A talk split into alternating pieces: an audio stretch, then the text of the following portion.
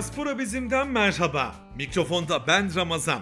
Bugün Avrupa'da siyaset yapmak zor mudur diye soracağız. Uzman konumdan cevap alacağız. Türk asıllı birisi nasıl başta Alman siyaseti olmak üzere Avrupa'daki siyasete adapte olabilir?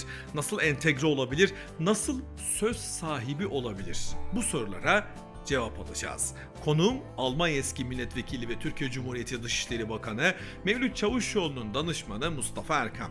Hiçbir yere ayrılmayın. Başlıyoruz.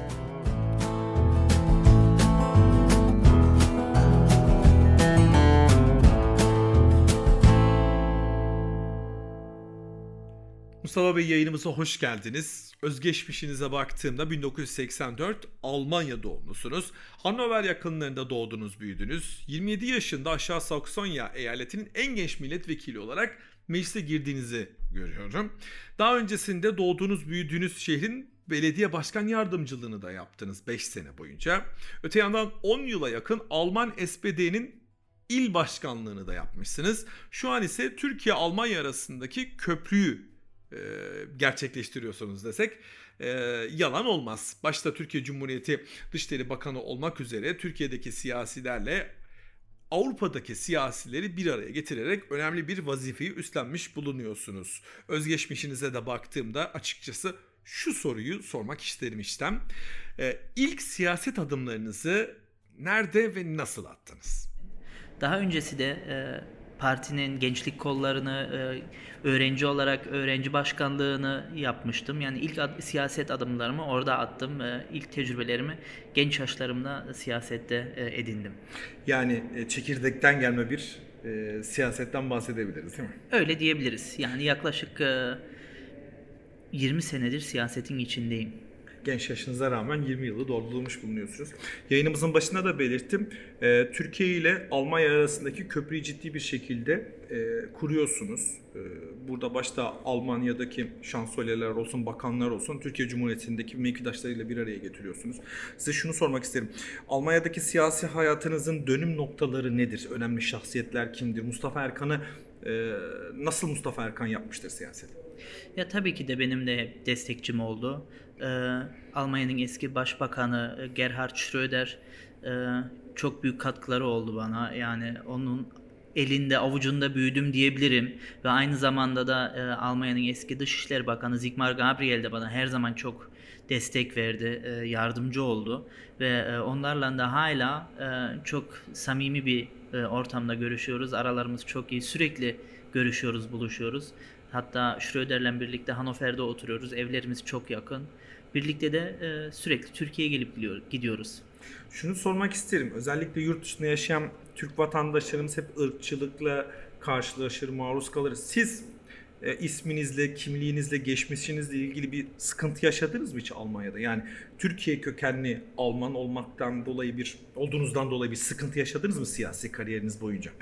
Ya öyle birebir e, yaşadıklarım oldu tabii ki. E, ama şunu söyleyeyim ismim Max Müller olsaydı genç yaşıma rağmen daha hızlı bir kariyer yap yapmış olurdum Almanya'da. Onu her zaman e, altını çizerek söylüyorum. Ar- Alman arkadaşlarıma da söylüyorum.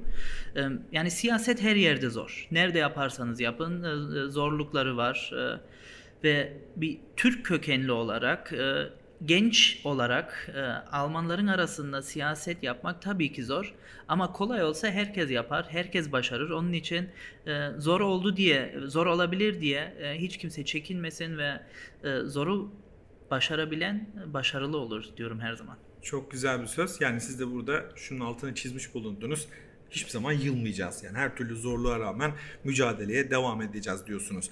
Avrupa'da Türk toplumunun siyaset yapması sizin için ne kadar önemlidir?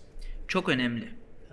Ve her zaman da gençlerle bir araya geldiğimde, e, öğrencilerle bir araya geldiğimde onları her zaman siyasiye, siyasete atılmasına motive ediyorum siyaset sadece partilerde yapılmıyor. Hı hı. Yani herkes gidip bir partiye üye olsun, hemen meclis üyesi olsun, belediye başkanı olsun, milletvekili olsun. O hedefleri koymasın. Yani oturduğunuz şehirde, köyde, ilçede, ilde e, oradaki itfaiyede olsun, e, kardeşleriniz, kendinizin e, üye olduğunuz futbol kulübü olsun. Orada da yönetime kendinizi seçtirin. E, orada da aktif olun. Sadece siyasi partide değil ve kendimizi, Türkiye'yi, e, Türkleri en güzel şekilde orada temsil edersiniz. Orada anlatırsınız, orada ifade edersiniz. E, hepimiz yani bir milletvekili olmamıza e, gerek yok. Her alanda Türkiye Cumhuriyeti'ni temsil etmeliyiz diyorsunuz. Futbol demişken geçmişinizde bir hakemlik de var değil mi? Yani Mustafa Erkan sadece siyasetle ilgilenmedi. Sporda da e, Türk kimliğini, Türk soyunu temsil ettirdi. Hakemlik kariyerinizden de bahsederseniz dinleyicilerimizin bunu bilmesini özellikle isterim. Yani sadece siyasi kimliğiniz değil, sporcu kimliğiniz de var. Ondan da bahsedebilirsek. Yaklaşık 15 yıl e, hakemlik yaptım ama amatör liglerinde. E, ve bu ne gerçekten benim için çok önemliydi. Yani Aha. bütün haftam siyasetle geçiyordu. E, zor dönemler oluyordu. Yani sıkıntılar, e, stresler, kendimi tekrardan bir e, e, deşarj etmek için pazar günleri maçlara çıkıyordum e, yan hakemlerimle birlikte. Bu benim için hem e, çok önemli bir noktaydı. Yani hakemlik hem siyaset yapmak hem hakemlik yapmak. E, ve özlüyorum da onu söyleyebilirim. Siyasetle karşılaştırdığınızda benzerlikleri var mıydı hakemle e, siyasetçi? Sonuçta siyasette hakem millettir. E, kıyaslayın desem ne söylemek istersiniz? Ya onu şöyle annemin sözleriyle söyleyeyim. E, Mustafa her zaman zor işleri yapar derdi. Siyaset olsun, hakemlik olsun. Ya, yaptığın iş bir taraf beğenir, bir taraf beğenmez. Aynı hakemlikte de öyle oluyor. Ama biz de her zaman yani e, adalet deyip e, elimizden geldiği kadarıyla doğrusunu yapmaya çalışıyoruz. Özellikle burada gençlerimize öğütleriniz çok önemlidir, önemli olacaktır diye düşünüyorum. E, gençlere özellikle Avrupa'da, yurt dışına doğup büyüyen, Türkiye Cumhuriyeti kimliğini e, temsil etmeye çalışan gençlere tavsiyeniz nelerdir? Ne yapmaları gerekir? Siyasete atılmak isteyenlere tavsiyeleriniz nelerdir? Biraz önce söylediğim gibi aktif olun. Yani sadece siyasi partilerde değil, oturduğunuz, e, yaşadığınız e, çevrede, toplumda e, kendinizi tanıtın, kendinizi gösterin. Üniversitelerde olsun, iş yerinde olsun, sendika temsilciliği olarak yani her yerde kendinizi gösterin, aktif olun. Hiçbir zaman ben bunu yapamam, ırkçılık var, Türklere karşı bir değişik bir tutumları var deyip geri çekinmeyin. Her zaman aktif olun. Ee, etrafımıza baktığımızda birisi bir adım yapıyorsa biz 2-3 adım yapmamız lazım. Her zaman daha aktif olmamız lazım. Daha çok e, çaba sarf etmemiz lazım. Gençlerimizden beklentim bu. Ee, peki vatanımız neresi? Yurt dışında yaşayan Türklerin e, vatanı nereli olmalı? Özellikle Almanya'da yaşayan 3,5-4 milyon nüfustaki e, Türkleri baz alacak olursak, Türkiye Cumhuriyeti soydaşlarımıza bunlar bir Alman gibi mi düşünmeli? Ee, yoksa hayır biz Türk'üz her zaman Türk gibi davranacağız mı demeli? Ee, yurt dışında yaşayan Türklerin özellikle genç kardeşlerimizin stratejisi ne olmalı, nasıl yol almalılar? Ya bu çok zor bir soru. Ee, bu soruyu ba- bana sorarsanız benim va- iki vatanım var. Hı hı. Birisi Almanya'da, orada doğduk, büyüdük. Orada yaşıyoruz. Her şeyi orada öğrendik. Mesleğimizi orada edindik. Orada çalışıyoruz. Ama kalbimizde her zaman hiç unutmadığımız bir Türkiye'miz var. Türkiye'de akrabalarımız, eşimiz, dostumuz, vatanımız bu bambaşka. Bu sevgi de e, yani vazgeçilemez. Onun için hiçbir zaman e, ben Almanyalıyım, sadece Almanya'yı seviyorum ya da Türkiye'yi seviyorum, Almanya'yı sevmiyorum diye bir e, durumum olmadı. E, her iki ülkeyi de seviyorum ama şunu da söyleyebilirim. Her zaman uçağa bindiğimde Türkiye'ye giderken değişik bir heyecanı yaşıyorum. Sizde de oluyor mu? Tabii ki oluyor. yani şimdi görevim e, görevimden dolayı sürekli gidip geliyorum Türkiye ama inanabilirsiniz sanki eski zamanlarda sadece yazları annemle babamla Türkiye'ye gidermiş gibi heyecanı yaşıyorum uçağa binerken. Peki e, siyasetle ilgileniyorsunuz. Diasporada, yurt dışında oy kullanmanın önemi nedir? E, özellikle Almanca konuşulan ülkelere baktığımızda e, Türkiye Cumhuriyeti soydaşlarımızın oy kullanma oranının ciddi bir düş, düşüşte olduğunu veya az olduğunu görüyoruz. Doğru kelime bu. E, yaklaşan bir Almanya seçimleri de var. E, önemi nedir? Türk halkı ne yapmalı? Nasıl e, mobil olmalı? Ne tavsiye edersin? Demokrasinin en önemlisi oy kullanmaktır. E, ben bunu her zaman söylüyorum. E, yani Almanya'da yurt dışında yaşayan e, Türk vatandaşlarımız da oyunu kullanması lazım. Türkiye seçimleri için. Bunu aynı zamanda Almanya'da yaşayan çifte vatandaşı olan bir İtalyan vatandaşı da yapabiliyor. Onun da bu hakkı var. Ve her zaman vardı. Ve bunlar sadece e, İtalya'daki parlamentosunu değil, Almanya'da yaşadığı şehrin belediye başkanlığı olsun, milletvekillerini de seçebiliyor. Bu bizim Türkler için de yani e, e, çok önemli ve oy haklarını kullanmasını e, her zaman istiyorum ve her yerde de söylüyoruz. Şunu da sormak isterim. Şimdi bir de e, Sayın Dışişleri Bakanımız Mevlüt Çavuşoğlu'nun danışmanlığını yapıyorsunuz. Yurt dışındaki Türkiye Cumhuriyeti vatandaşları e, sizin gözünüzde nerededir? Bakanlığımızın bakış açısı nedir? Oradaki Türkler işte Almanyalı Türk müdür? Türkiye Cumhuriyeti vatandaşı mıdır? Nasıl bir gözle bakılıyor? Ya şunu söyleyebilirim. e, Bunu da her zaman da görüntülerde de e, görebiliyorsunuz e, çekimlerde. Sayın Bakanımız hiçbir zaman Almanya'da yaşayan Türkler, Avusturya'da yaşayan Türkler, Amerika'da yaşayan Türkler deyip vatandaşlarımızla ayırt etmiyor. Hep, hepsini aynı görüyor. Ha- hatta Almanya'ya geldiğinde, yurt dışına çıktığında her yerde Türk vatandaşlarımız, Sayın Bakanımızı her zaman elinde bayraklarla karşılar, otelin önünde bekler Sayın Bakanımızla sohbet etmek için, Sayın Bakanımızla e, görüşme fırsatı e, yaratmak için biz de her zaman e, imkan sağlamak istiyoruz. Bakanımız da bu e, böyle konularda, e, böyle buluşmalarda her zaman çok heyecanlanıyor ve e, yurt dışında yaşayan vatandaşlarımıza da her zaman e, zaman ayırır ve ayırıyor da. Almanya'da sık sık gelip gidiyor değil mi? Oradaki Türklerle de temas halindesiniz. Ee, peki sizin şahsınızda şunu sormak isterim. Siz Almanya'da mı daha fazla vakit geçiriyorsunuz, Türkiye'de mi? Almanya'da. Almanya'dasınız. Ee, oradaki son zamanlardaki ırkçılığı göz önüne aldığımızda az önce siyasete girmek isteyenlere tavsiyelerde bulundunuz ama ırkçılıkla mücadelede ne yapılması gerekiyor? Buradaki adımlar ne olması gerekiyor? Yani Alman makamları için demiyorum. Orada yaşayan diaspora Türkleri nasıl adımlar atması gerekiyor? Dernekler, lobiler, vatandaşlarımız hangi adımlarla ilerlemesi gerekiyor? Her alanda aktif olmamız lazım. Her alanda. Sadece benim iş yerim var, işime gidip geliyorum, evime kilitleniyorum deyip de e, ırkçılığı e, eleştirme hakkımız olmaz. Biz her alanda aktif olmamız lazım. Yani e, STK'larda olsun, e, siyasi partilerde olsun kendimizi sadece yani kendimizi derken yurt dışında Almanya'da yaşayan yabancılar olarak e, görmemiz lazım bunu. Kendimizi öyle anlatabiliriz, tanıtabiliriz, Almanlara gösterebiliriz ve ırkçılığa sadece böyle e, birlikte güçlü bir şekilde e, dik durabiliriz. E, Yayın esnasında bir yandan da sosyal medya hesaplarınıza bakıyorum. Twitter, Instagram, Facebook'ta bir hayli aktifsiniz. Sosyal medya sizin için önemli midir? Mesela bizler podcast yayınlarımızı özellikle dijital mecralarda yayınlamaya özen gösteriyoruz. E, Sizin için sosyal medyanın anlamı nedir ve toplumumuz için anlamı ne olmalı?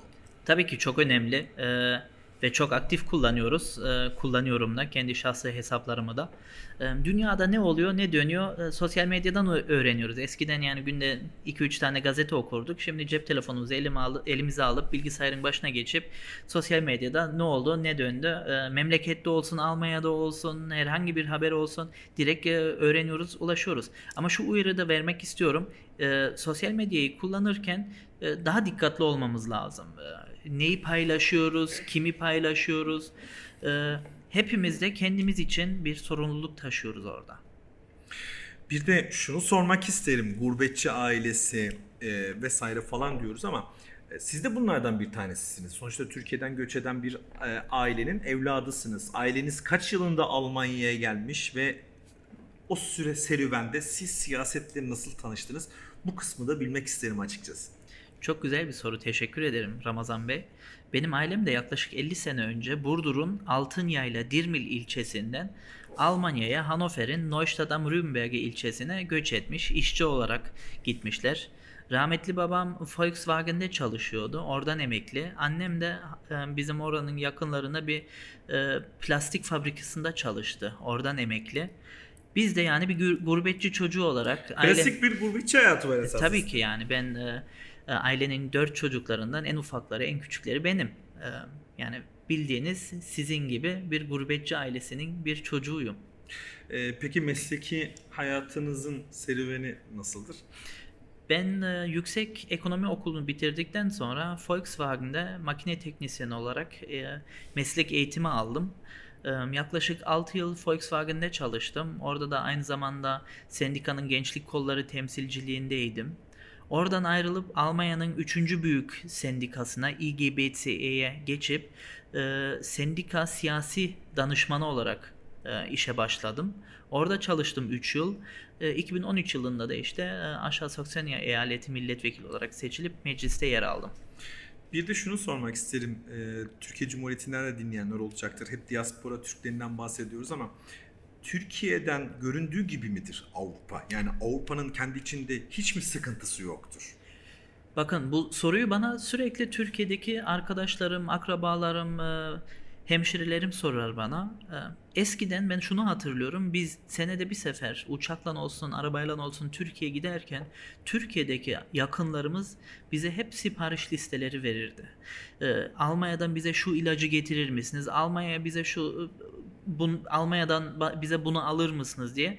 Biz yani çantalarımızı doldurur Türkiye'ye götürürdük. Artık nesil değişti. Ya ben, şimdi ben de gurbetçi evladı olduğum için ben şampuan götürdüğümüzü hatırlıyorum. Evet evet şampuan olsun ilaçlar olsun yani e, ben şunu hatırlıyorum, hatırlıyorum yani ben küçük yaşımdayken biz Türkiye gitmeden önce annem benimle doktora giderdi. Doktora yani her e, ilaçları yazdırırdı reçeteye. Eczaneden alırdık yanımızda götürdük çünkü bazen Türkiye'de bulunmuyordu. Şimdi tam tersi ben Türkiye'ye geldiğimde Alman arkadaşlarım bana Mustafa şu ilacı getirir misin, şu kremi getirir misin, şunu alır mısın bana eczaneden deyip bana liste veriyorlar artık. Yani en ufak bir örnek bu. Daha değişik şeyler de var. Yani e, sağlık e, konusunda baktığımızda birçok Alman arkadaş yani gurbetçi demiyorum Alman arkadaşım Türkiye'ye gelip e, sağlık turizmine çok büyük katkıda bulunuyor. Dişlerini yaptırıyorlar, gözlerini çizdiriyorlar. Yani artık Türkiye'deki sağlık sektörüne baktığımızda Almanya'da bulamıyorum ben bunları. Devir tersine döndü diyebiliriz değil mi? Döndü ve hala da dönüyor. İnşallah da daha iyi olur Türkiye Cumhuriyetimiz. Ee, Mustafa Bey son olarak mesajınızı almak isterim. Yayınımıza katıldığınız için çok teşekkür ediyorum. Diaspora bizim ekibi olarak. Son mesajınız nedir? Son mesajım burada yurt dışında yaşayan vatandaşlarımız, büyüklerimiz, küçüklerimiz için e, söylemek istediğim tek bir şey var. Biz hiçbir zaman nereden geldiğimizi unutmadık ve unutmayacağız. Ve kendimizi temsil etmek için, nereden geldiğimizi daha iyi anlatmak için olduğumuz yerde her zaman aktif olmamız lazım. Çok teşekkür ediyorum Mustafa Erkan, Almanya eski milletvekili ve Türkiye Cumhuriyeti Dışişleri Bakanı Mevlüt Çavuşoğlu'nun danışmanı. Teşekkürler efendim. Ben teşekkür ederim Ramazan Bey.